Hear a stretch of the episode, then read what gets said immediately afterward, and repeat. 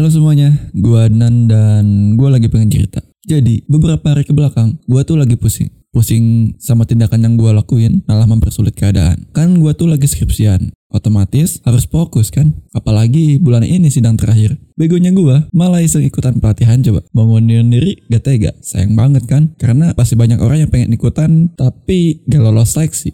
Habis itu skripsian gua gak selesai-selesai lagi. Mau ngatur jadwal juga jadi susah. Nah, pas malamnya lagi pusing-pusingnya nih gua. Gua iseng nyari video creative thinking di YouTube. Nemu deh videonya Raditya Dika. Di sana Bang Radit bilang, kalau dia gak percaya sama mood, kalau mau lakuin sesuatu, ya lakuin aja langsung. Kalau susah ya paksain. Kalau belum sesuai ekspektasi, ya coba lagi sampai sesuai. Abis lihat video itu, gua langsung buka file skripsi gua. Beberapa jam kemudian revisi selesai dan hari ini gua udah lewatin pelatihan tadi sekaligus skripsi gua. Jadi semuanya tinggal dilakuin aja. Gak usah banyak dipikirin. Kalau mau selesai ya kerjakan, lakukan bukannya diam doang.